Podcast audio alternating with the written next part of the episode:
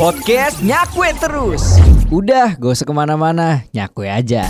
Selamat datang di podcast Nyakwe Terus Di mana lo bisa dengerin suara isi pikiran gue Yang gue coba ceritain. Kadang random, kadang juga bener Tapi lebih banyak salahnya. Ya udah di mana pun anda berada Enjoy!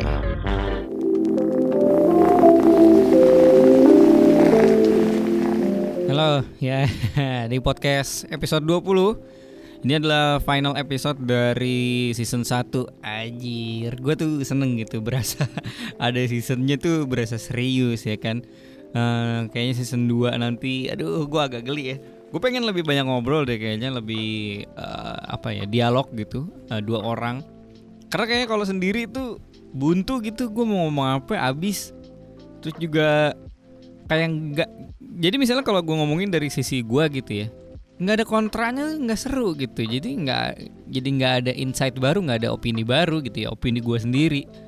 Walaupun memang tujuan utama dari podcast ini kan gue nyampein apa-apa yang kayaknya dijadiin video susah ditulis jadi tweet juga susah gitu. Pemikiran-pemikiran gue yang rada panjang nih penjelasannya nih nggak bisa langsung straight to the point gitu. Tapi ya itu sih intinya kenapa ada podcast ini. Ya udahlah gue kan udah berulang kali ngomong begitu ya. Ya hari eh, di episode ini gue mau ngomong soal banyak ya. Cuman gue capek sih pakai kacamata. Serius deh. Gimana ya? Gue pakai kacamata tuh dari kelas 3 SD gue 3 SD itu sekitar tahun 2000 anjir 2000 berapa nih matematika gue nggak jalan. Gue lulus SD 2010 lulus kelas 6 kurangin 3 2000 2007 mungkin ya. 2007 mungkin. Mungkin. Dari 2007 bayangin. 2007 ke 2017 aja udah 10 tahun sendiri. 2007 ke 2020 berarti eh, 13 tahun cuy. Jadi ya lumayan lah ya mata gua nih. Panjang kali ya kalau dicopot gitu. Di bola mata gua dilihat tuh kayak panjang gitu kan memang gitu. Kalau penyakit miopia. Rabun jarak jauh kan matanya kat- katanya memanjang jadi eh, jatuhnya cahaya itu nggak pas di retina mata gitu. Keren kan? Gua tuh eh, begini-gini ngerti gituan ya ya iyalah orang penyakit gua sendiri masa nggak ngerti. Gue capeknya karena karena banyak hal sih sebenarnya. Ya paling paling malesin sih dibilang mirip sama orang mirip mirip ini mirip itu. Semua yang pakai kacamata katanya sal- saling mirip satu sama lain ya gue juga eh, tapi gue ini sih ada yang nggak relate ya sama orang-orang kacamataan lain yang mereka katanya ah capek banget ditanyain. Eh kamu minus? Iya minus berapa? Minus 5 gitu. Ih gede banget. Ini kelihatan nggak? Ini gue udah nggak digituin sih karena sekarang temen gue udah pada tahu semua gue minus intinya. Dan gue rasa dari tahun 2007 sampai tahun 2020 ini pengguna kacamata tuh berkembang lebih signifikan lebih, banyak banget cuy. Kak, soalnya waktu 2007 gua pakai itu waktu SD itu gue pakai orang yang pakai kacamata tuh masih dimusuhin gitu loh masih minoritas gitu masih diledekin kayak ih pakai kacamata ih aneh ih freak ih nerd gitu.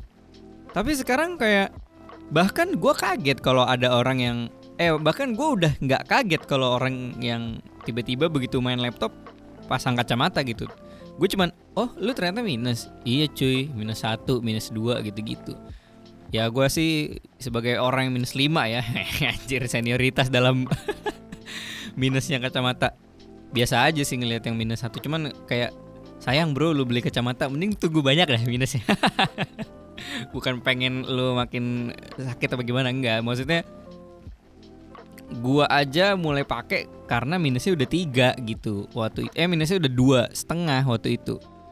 Dan sekarang minus 5 mungkin kalau gue periksa lagi udah naik lagi sih kayaknya ya. Gua nggak tahu deh. Mungkin Duh mudah-mudahan sih nggak nambah-nambah ya. Gue pengen banget laser gitu. Ya inilah makanya kenapa gue capek pakai kacamata. Apalagi masa pandemi gini kita harus pakai masker kan. Uapnya tuh loh ya ampun kayak orang lain tuh pakai masker tuh effortless. Udah pakai masker gitu aja. Gua tuh harus nyempil nyempilin gimana nih caranya biar uap napas gua tuh nggak bikin kacamata gua berembun gitu loh. Ada sih solusinya kemarin eh, pakai masker duckbill ya karena masker duckbill ternyata bikin ini apa namanya? Apa lengket kok lengket sih? Apa sih? Nempel banget gitu di pipi jadi nggak ada sela untuk uap nafas gue yang keluar terus kena kacamata gitu deh enak sih dakbil cuman kayak kekecilan buat hidung gue Terus gue juga capek pakai kacamata karena ya tiduran susah. Uh, sedangkan gue suka banget tiduran sambil main HP gitu loh. Jadi ganggu sih. Eh tapi gue lihat di TikTok ada dokter yang bilang ternyata main main HP di saat gelap itu nggak pengaruh sama kesehatan mata gitu. Maksudnya tidak men menyebabkan minus atau apa gitu. Cuman ya mata lu perih aja. Jadi itu ya kalau eh gue nggak nge-save lagi itu TikTok dokternya. Maksud gue kan kalau kita lagi di rumah gitu terus ditegor, eh main main handphone gelap-gelap, lu setel aja itu TikTok dok dokternya, biar ngejawab mak lu apa bapak lu gitu. Iya, yeah, pakai kacamata tuh dilema dah di 2020. Mana hujan lagi kan, kena embun mulu, buset. Dah gua tuh kayaknya pengen pasang wiper gitu loh di kaca di lensa gua. Biar gua nggak perlu apa copot ngelap pakai kaos, nggak usah langsung pencet tombol remote gitu, cepret gerak gitu apa ada aplikasinya nggak tahu deh. Ya itu sih soal kacamata ya gua sebel aja gitu. Ya terus karena uh, gua kemarin pulang ke Jakarta. Nah ini gue menemukan hal unik sih begitu ke Jakarta. Gak unik, cuman kayak menyadari suatu hal. Mungkin udah banyak juga yang tahu soal ini. Soal uh, apa namanya bahwa Indonesia itu memang terpusat banget. Kayak dia tuh timpang gitu. Kita ngomongin soal ini ya infrastruktur dan segala macamnya. Kayak misalnya kita ngomongin Jakarta sama Papua kan beda jauh banget gitu gua waktu masa-masa Jakarta kan sempet tuh yang mati listrik tiga hari apa ya? Yang sampai heboh banget yang ikan koi mahal-mahal pada mati orang-orang pada ngungsi ke mall. Terus di Twitter juga rame banget terus kayak orang-orang dari berbagai daerah langsung ngeributin kayak alah orang Jakarta ini mah baru mati lampu tiga hari aja udah berisik udah gini gini gini udah chaos lah kita di desa belum pernah dapat listrik. Ya gimana ya? Saat itu posisi gue ngerasanya ya iyalah kalau Jakarta mati lampu kan ekonomi langsung jatuh gitu. Mereka pusat gini-gini. Intinya gue berpihak sama orang Jakarta yang uh, eh, gue agak tersindir gitu. Karena dibilang lebay gitu. Anak Jakarta nih alem aleman aleman gak sih bahasanya? Lebay. Karena ngeluh uh, mati listrik. Cuma maksud gue uh, saat itu perspektifnya gue ngerasa in uh, jadi anak Jakarta itu yang bener-bener kita udah nempel banget sama listrik gitu. Nggak kayak bocah-bocah daerah mungkin yang mereka nggak megang handphone aja juga biasa aja gitu nggak kayak bocah-bocah Jakarta. Saat itu gue berpihak sama orang kota lah ya anggap begitu anggap aja begitu tapi setelah berjalan berapa lama, terus gue lama di Jogja daripada di Jakarta. Terus di Jakarta itu ra, apa waktu kemarin rame uh, Habib Rizik pulang. Habib Rizik pulang rame banget kayaknya di Twitter di apa. Tapi itu karena gue di Jogja ya, jadi gue kayak, hah ini rame di mana sih? Ramenya tuh di mana gitu loh. Orang netizen meributkan netizen nih mana? Netizen mana? gitu. Karena gue ngeliat orang-orang Jogja nggak ada yang protes. Maksudnya teman-teman gue yang anak Jogja itu nggak nggak pada nge-tweet apa-apa nggak pada nge-retweet gak nih tuh gue di situlah gue baru sadar bahwa oh memang yang ribut-ribut tuh yang yang nyebelin nyebelin yang rame-rame itu orang Jakarta doang gitu loh. Apalagi uh, si HRS kan si Habib Rizik ini kan dia pulang di pulang ke Bandara Soekarno Hatta ya di Jakarta gitu. Mungkin gue mikirnya kalau pulangnya ke YIA NY apa? National Yogyakarta eh Yogyakarta International Airport YIA di Kulon Progo tuh baru pasti tuh orang Jogja pada ribut juga tuh karena takut uh, terjadi kerumunan dan segala macam. Tapi intinya intinya orang Jakarta atau orang kota tuh mampu menciptakan kegaduhan yang sebenarnya tidak dirasakan seluruh Indonesia gitu loh. Artis-artis kan juga ada di sana semua, pusat hiburan, ya gimana lagi ya namanya pusat. Makanya gue sampai dapat kesimpulan kalau uh, eh ini nih kesimpulan lagi, Pulau Jawa itu Pulau Jawa itu Jakarta sentris. Artinya berpusat banget ke Jakarta. Indonesia itu Jawa sentris. Artinya Indonesia tuh bener-bener musatnya di Pulau Jawa. Ya bisa disimpulkan Indonesia sama dengan Jakarta gitu loh. Ya mau nggak mau lah ya di mana-mana juga gitu. Negara sama dengan ibu kotanya adalah cerminan dari negaranya. Gua sih sebenarnya sekarang jadi nggak setuju sama ungkapan itu karena ya itu tadi gue ngerasain ribut-ribut di internet di timeline tapi itu nggak nggak efek nothing to me gitu loh. Nggak ber berdampak apa pun ke gue karena gue di Jogja. Dan begitu gue pulang kemarin beneran baru berasa bokap apa bokap gue ngomongin nyokap gue ngomongin. Di berita juga ngomonginnya FPI lagi Habib Rizik lagi.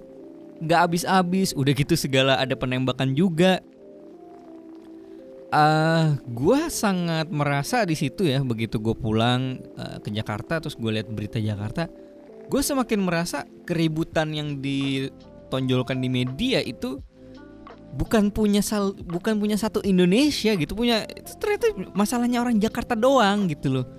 Apalagi dibandingkan nih uh, sama kasus yang ada di Sigi terorisme yang ada di Sigi gitu. Uh, yang ngebantai pendeta itu sampai menggal segala. Itu kan nggak digoreng macem-macem nggak nggak nggak gampang hype gitu-gitu. Menurut gue juga karena kejadiannya di daerah dan uh, jadi ini ini tebakan gue aja sih. Kenapa bisa netizen netizen nih ini gue juga bingung netizen yang mana yang gue maksud. Tapi gini kenapa bisa sampai dibilang ah Indonesia ini gini gini kayaknya yang di, ditunjuk di dimaksud netizen itu adalah orang-orang Jakarta deh. Karena apa? Karena gini di Jakarta itu orang pegang handphone itu udah udah umum banget. Udah kayak handphone itu udah kayak dompet. Sedangkan di daerah-daerah di Jogja bahkan ya di Jogja aja itu tidak semua orang itu berhandphone. Uh, atau smartphone atau oh ini deh bersosial media. Sorry bukan berhandphone ya. Handphone mungkin iya tapi aktif di sosial medianya itu loh gua rasa tuh semakin tinggi biaya hidup semakin tinggi teknologi yang ada di satu kota ya tentu saja mereka yang bakal ngerules atau mereka mereka yang bakal ngatur-ngatur semua hal di dalam teknologi tersebut kayak Jakarta kan internet udah gampang banget, wifi di mana-mana. Jadi wajar banget kalau netizen netizen sebenarnya netizen Indonesia tuh netizen Jakarta gitu loh maksud gua kayak banyak orang sono sebenarnya.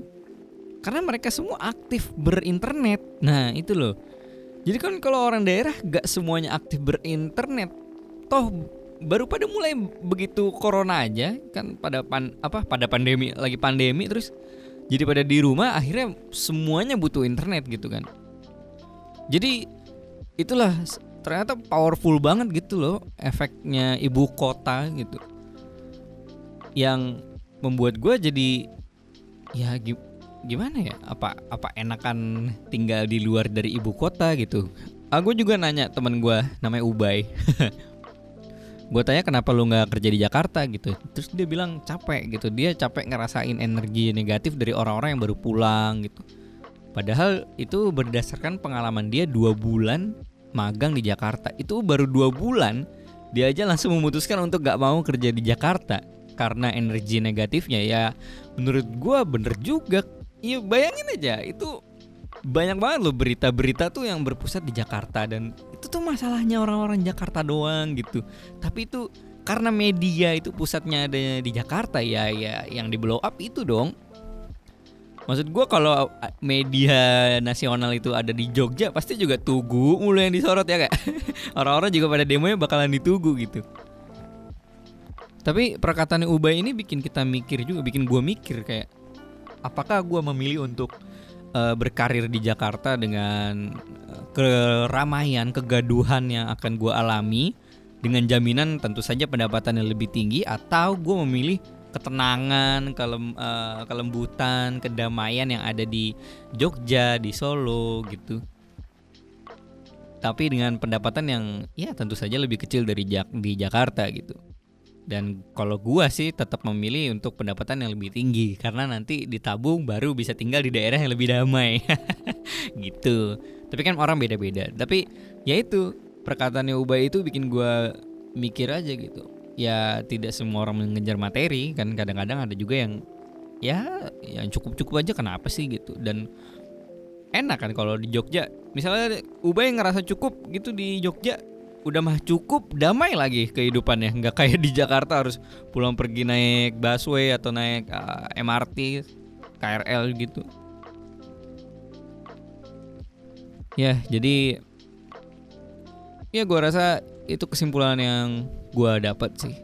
Ya artinya sekarang gue ngerasa uh, semua daerah di Indonesia itu berhak punya suara. Mereka kita semua tuh berhak punya pendapat dan mengatur mana nih yang kepentingannya se-Indonesia atau kepentingannya orang Jakarta doang.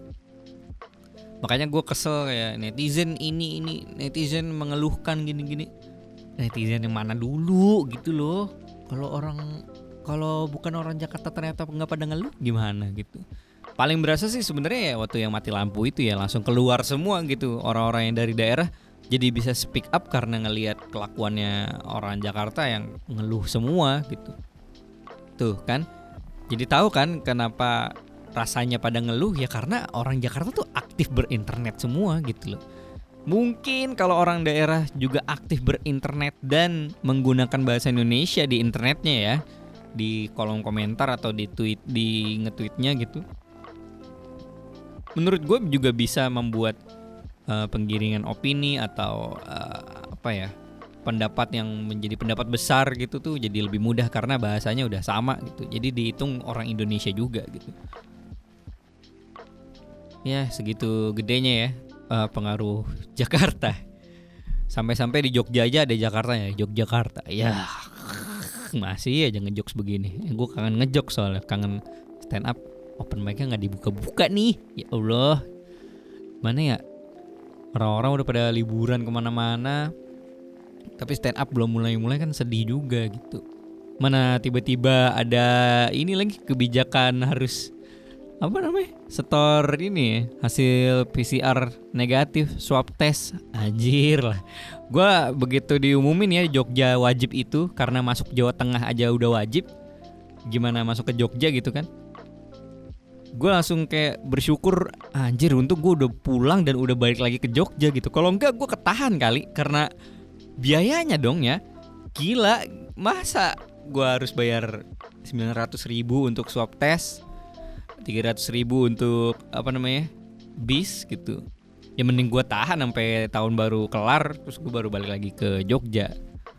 Tapi untungnya gue udah gue cepet gitu. Gue sih memang udah yakin kalau akhir tahun nih bakal ada macam-macam nih bakal ada pencegahan apa ki segala macam atau minimal rame deh. Rame karena orang pada lalu lalang dan segala macam jadi ya gue kayaknya ngambil keputusan yang tepat untuk pulang awal Desember terus langsung balik lagi. Dari tanggal 4 sampai tanggal 10 lah gue udah langsung pulang lagi. Nah ini jadi ngomongin pandemi ya. Aduh, ngomongin pandemi itu emang gak habis-habis. Gue dari podcast episode berapa tuh? Udah sempet ngomongin pandemi, Terus sekarang masih ngomongin pandemi lagi udah setahun nih, udah hampir setahun ya di 2020. Tapi jujur nih, gue ngerasa kayaknya mah corona di Indonesia ini cuma tema aja, cuma jadi tema obrolan aja gitu di antara kita, apalagi di antara pemerintah. Buat nakes tuh pasti kena banget, ya kan? Buat orang rumah sakit, eh, tenaga kesehatan, eh, medis semuanya deh pasti ini banget gitu tak maksud gue tuh maksud gue yang cuma jadi tema obrolan tuh pemerintah gitu loh. Ini gue lagi nyalahin pemerintah karena anjir aneh banget sumpah. Dari berbagai negara itu beritanya tuh mereka berhasil berhasil berhasil berhasil. Indonesia doang yang masih gagal. Gue nggak tahu sih presentasinya gimana negara mana aja yang berhasil. Tapi maksud gue gue ngiri banget dengerin apa namanya berita-berita dari negara lain uh, ini berhasil menekan angka gini. Cina aja udah selesai coronanya. Negara yang ini juga udah Jepang Korea udah gelombang dua gelombang tiga. Kita gelombang satu aja belum habis. Terus kayak lucu banget gak sih kalau kita inget-inget dulu kayak kurvanya tuh kayaknya September deh. Kayaknya ini deh kayaknya ini. Iya itu kalau pemerintahnya bener-bener nangani bener di diapain kayak lockdown kayak apa kayak kebijakan itu yang tegas gitu loh. Maksud gue kayak gue ngerasa pemerintahnya tuh ya itu tadi gue bilang tema doang. 2020 tuh tema corona tuh cuma sebagai tema cuma eh, kenormalan yang baru tuh cuman kayak eh gimmick gitu loh. Tindakan tegas nyatanya tuh mana gitu. Itu tenaga-tenaga kesehatan udah pada capek udah pada ngebentuk masker itu hidungnya udah mungkin nggak ketemu keluarganya berbulan-bulan mereka mau apa namanya mau ambil cuti mau mau apa namanya sign off itu apa sih? Mau mengundurkan diri gitu juga gak bisa kan karena kalau mereka mundur siapa yang mau nanganin? Mereka tahu itu. Terus pemerintahnya kayak aduh anjir tuh aneh banget. Memang dari awal aja udah nggak tegas nggak tahu gitu mau dibawa ke mana. Gue tuh yakin banget pem pemerintahan Indonesia atau negara kita ini itu tuh mampu. Gue yakin mampu ngatasin ini corona sebenarnya. Tapi kan kita tahu begitu muncul indana covid aja di korupsi gitu-gitu langsung ah gue tahu ini mah pemerintah main-main doang. Gak dianggap serius corona itu orang mati itu gak dianggap serius. Ketua KPU mana tuh yang gak diumumin apa positifnya tapi selesai pilkada meninggal dia nah pilkada lagi ini aduh aduh kayak anjir lah negara lain tuh dia sampai diundur gitu loh ini tuh aduh jadi kan bingung ya, lockdown enggak, di tes uh, swab tes gratis enggak, ngandelin vaksin.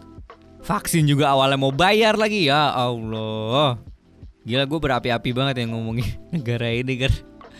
Karena jujur aja gue nggak nggak tahu ya gue belum gue ngeliat di Twitter di sosial media banyak yang ngomongin soal uh, pemerintah nggak becus segala macam tapi gue belum ngerasa ada yang satu frekuensi sama gue satu perspektif sama gue kalau ngelihatnya pemerintah tuh main-main baik gitu. Ini ini semua bisnis gitu loh. Maksud angka covid ini aja dah. Data realnya aja kita nggak tahu kayak waktu itu ini kita harus nurunin kurva kurva kurva yang mana? Orang datanya kagak sama. Ah udah bercanda doang semua nih. Selama 2020 sedih sedih banget kayak ya itu cuman gimmick gitu loh. Corona tuh dianggap gimmick gitu pada anjir lah. Ini udah ngefek ke mana-mana sumpah. Ke ke sektor apa pun pasti kena gitu. Bali itu hampir lumpuh kalau nggak gara-gara uh, akhir-akhir bulan ini pemerintah gencarin untuk oh berwisata yang aman mendapati protokol kesehatan. Oh, hancur itu Bali kalau ini corona nggak di apa nggak diapa-apain gitu. Apalagi pemerintah mendadak tiba-tiba bilang ke Bali harus wajib bawa swab test kan langsung pada refund oh iya itu juga waktu Jogja ngumumin harus swab test juga. Gua gua lihat kolom komentar di Instagram @humasjogja ya Allah Min kenapa dadakan sih Min? Aku dari Lombok loh Min. Udah sewa hotel tanggal 28 tanggal 29 udah sewa motor juga, udah lengkap, udah tinggal berangkat. Kan kalau kayak gini gimana? Masa harus refund semua gitu? Ada lagi yang bilang, ya Allah berangkat besok, diumuminnya jam setengah empat, tapi kalau mau swab test atau rapid test, nggak tahu mau swab test apa yang rapid nggak ngerti gue. Pokoknya yang itu itu terakhir di di klinik jam 3 sore. Aduh, gimana ya gitu kayak ya itulah makanya kayak sekali lagi gue bilang bagi pemerintah corona ini gimmick doang di 2020 supaya nggak nggak tahu lah supaya apa gue ngerti lagi kayak kalau mereka serius dari awal tuh ada kebijakan yang bener-bener dipegang gitu. Ini kan enggak maksudnya di awal mana? Katanya karantina wilayah. Dibongkar. Katanya kita new normal aja. New normal ini kan Jakarta PSBB berulang-ulang. Ah aduh udahlah capek capek. Ya intinya gitu sih. Aduh jadi ngomongin seru ya ngomongin itu mengeluh-ngeluh tuh ternyata seru ya aduh gue ada keluhan lagi nih. Nggak apa ya lu pada dengerin keluhan gue memang tujuan podcastnya ini buat gue ngeluh segala macem. Kayaknya nggak usah gue edit lah ya kayak panjang anjir tumbenan. Gue pengennya sih 9 menitan aja kayak kemarin cuman temanya lagi bagus nih yang pengen gue omongin. Selanjutnya gue mau ngomongin soal ini ya dark jokes. Ah capek sih sebenarnya tapi intinya gini gini. Gue mau pendek aja lah gua berdiri di sisi yang sama sama kayak Bang Indra Primawan ya kalau kalian pada tahu. Dia bilang tuh komedi itu soal lucu atau enggak gitu. Udah sampai situ doang. Gue setuju banget karena paham nggak lu pada uh, kata-kata cuman komedi tuh cuma cuma ada lucu atau enggak? Paham nggak tuh? Jadi di komedi itu itu tuh bisa ngelepas semua nilai-nilai yang ada di dunia gitu loh norma agama moral sosial uh, fisika gitu-gitu. Karena memang itu tujuan komedinya hiburan kita. Dan kita tergelak tawa kan juga refleks gitu.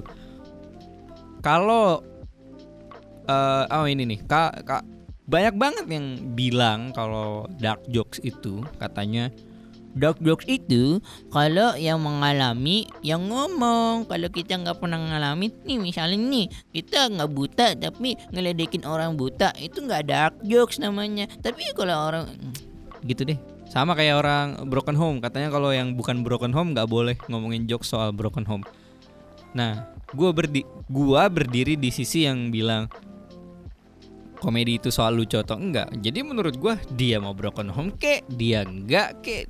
Ya kalau dia ngungkapin joke soal tema yang dia angkat itu entah broken home, cacat segala macem dan lucu, ya gue ketawa lah. Ketawa lah gila kayak itu balik lagi refleks ketawa tuh refleks gitu. Jadi gue ketawa itu uh, artinya gue udah melepaskan nilai-nilai empati, moral segala macem gitu untuk menertawakan itu, gitu loh. Dan kalau memang momennya saat kita lagi bercanda-canda, bercanda gurau, bersenda gurau, ya gak apa-apa dong gue ketawa. Dan gak apa-apa juga lu tersinggung gitu loh. Cuman yang gak gue suka adalah orang-orang yang mengatur di mana letak harusnya lu berkomedinya seperti ini gitu. Kayak maksud gue enggak ah. Banyak yang bilang eh banyak juga yang bilang pas gue lihat-lihat di TikTok di Twitter sama aja lah sekarang netizen tuh. TikTok IG Twitter sama ternyata baper-bapernya. Uh, kalau komedi yang bag bagus tuh nggak menyinggung siapa pun. Komedi yang ah basi banget capek gue dengernya. Ini gue bisa ngomong kayak gini setelah ikut beberapa open mic guys. Jadi di open mic itu kalau gue pasang nilai-nilai moral agama gue gitu misalnya di di momen di event open mic-nya itu nggak bisa ketawa lah gue pasti marah kali bagaimana tapi di open kita, tuh memang sengaja datang ke sana untuk menertawakan sesuatu apa pun objeknya gitu loh maksudnya.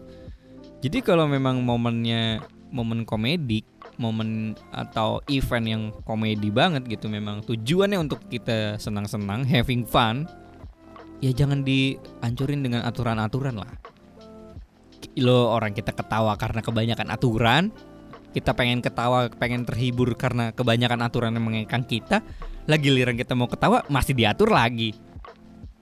Gimana coba? Jadi itu sih, uh, apalagi terbaru lagi Coki foto di depannya orang-orang busung lapar di Afrika sambil pegang chat time gitu. Langsung orang-orang tuh rame segala macam. Gue gimana ya? ya capek aja sih kayak lu bisa memilih untuk tidak peduli sama coki dan segala macem gitu. Kalau lu merasa itu tidak lucu, lu tidak perlu memberikan respon segala macem. Tapi kan gue ngeliat ada komentar bagus banget kayak uh, akun-akun anonim atau seleb-seleb tweet itu rame ya di Twitter itu. Emang lagi cari kesempatan aja untuk nyindir, untuk ngeritik, untuk nggak tahu cari cloud aja cari cari keramaian. Trafficnya lagi ke sana ya nyindir sana lah gitu. Padahal mungkin mereka sendiri sering ngejokes atau ngeledekin soal hal-hal yang berhubungan sama dark jokes juga dan bisa jadi ada yang tersinggung cuman nggak ada yang speak up aja gitu ya kira-kira begitulah. Jadi uh, gua kalau udah konteksnya bercanda gua sih secara otomatis ya udah melepas banyak-banyak banyak uh, nilai-nilai yang gua atau masyarakat uh, anut lah. Karena uh, gua ngerasa itu apa ya ya satu detik gitu momen dari hidup gua gitu. Gue kan ketawa nggak setiap hari dong. Nggak nggak setiap hari gue mendengarkan jokes jokes yang menyebalkan yang aneh-aneh yang gelap-gelap gitu. Enggak jadi kan kalau sekalinya lewat ya kita ketawa nggak apa-apa dong gitu loh maksud gue tapi ya ya terserah sih. Mungkin ya gitu sih. Soalnya manusia tuh so, sering ini sering apa ya menyangkutkan empati dirinya kepada hal-hal yang dia anggap uh, berhak disimpatikan gitu. Paham gak sih? Kayak ya gitu deh gimana ya? Orang tuh banyak yang tersinggung atas orang lain gitu. Cuma gara-gara dia merasa harusnya lu kasihan sama dia gitu. Padahal dianya nggak apa-apa. Itu loh. Ya mungkin mungkin karena gue basicnya nggak peduli sama orang ya jadi jadi bisa bisa ngetawain banyak hal gitu.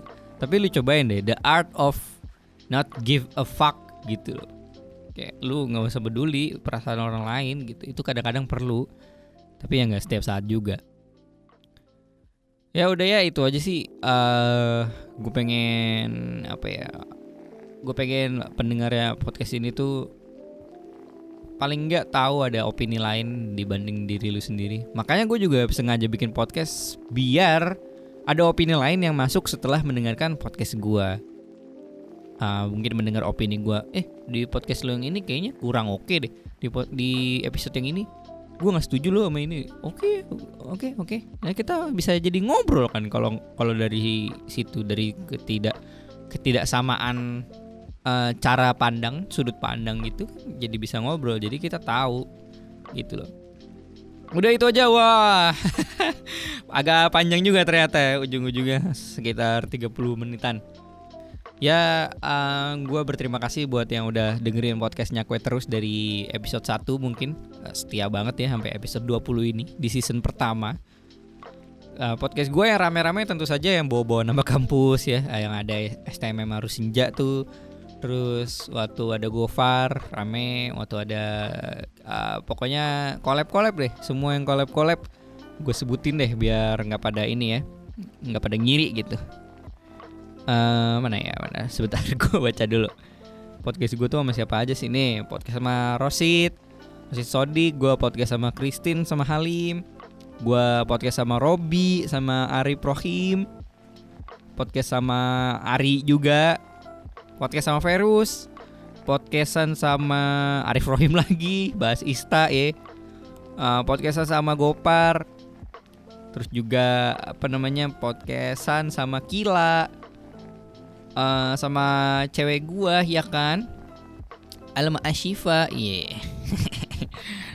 ntar kalau disebut uh, terakhir apa? Nggak kesebut bisa digeplak kali gua. Ya teman-teman uh, teman-teman gue semuanya yang udah bantu di season pertama gue berharap season kedua mungkin dimulai 2021 aja kali ya. Jadi gue susun konsepnya beneran gitu mau ini mau dibawa mau dibawa ke mana sih ini podcast gitu loh? Mau beneran kah? Mau serius apa mau biasa aja gitu? Udah itu aja. Uh, terima kasih banyak. Ceritanya harus nangis gitu kan final season. Kayak geli banget ya ada seasonnya gitu tapi gak apa-apa ini membuat season season itu uh, apa ya menaikkan hype di podcast kita gitu. Atau gua sendiri aja nih yang ngerasa hype nggak tahu juga deh. Ya udah gitu aja. Uh, terima kasih terima kasih banyak. Beneran deh apalagi yang dengerin sampai sini aneh banget nih kalau yang dengerin sampai sini nih. Uh, coba deh WhatsApp gue kayak apa DM gue gue pengen tahu lu dengerin sampai akhir nggak ya? Meskipun ketiduran di tengah nggak apa-apa gitu. Kalau sampai akhir kan lu pasti tahu belakang belakang ini gue ngomong apa Ya udah itu aja. Sampai ketemu di podcast Nyakwe Terus season 2. Yeay. Kayaknya gue harus cari partner deh biar gak asik sendiri. Dah.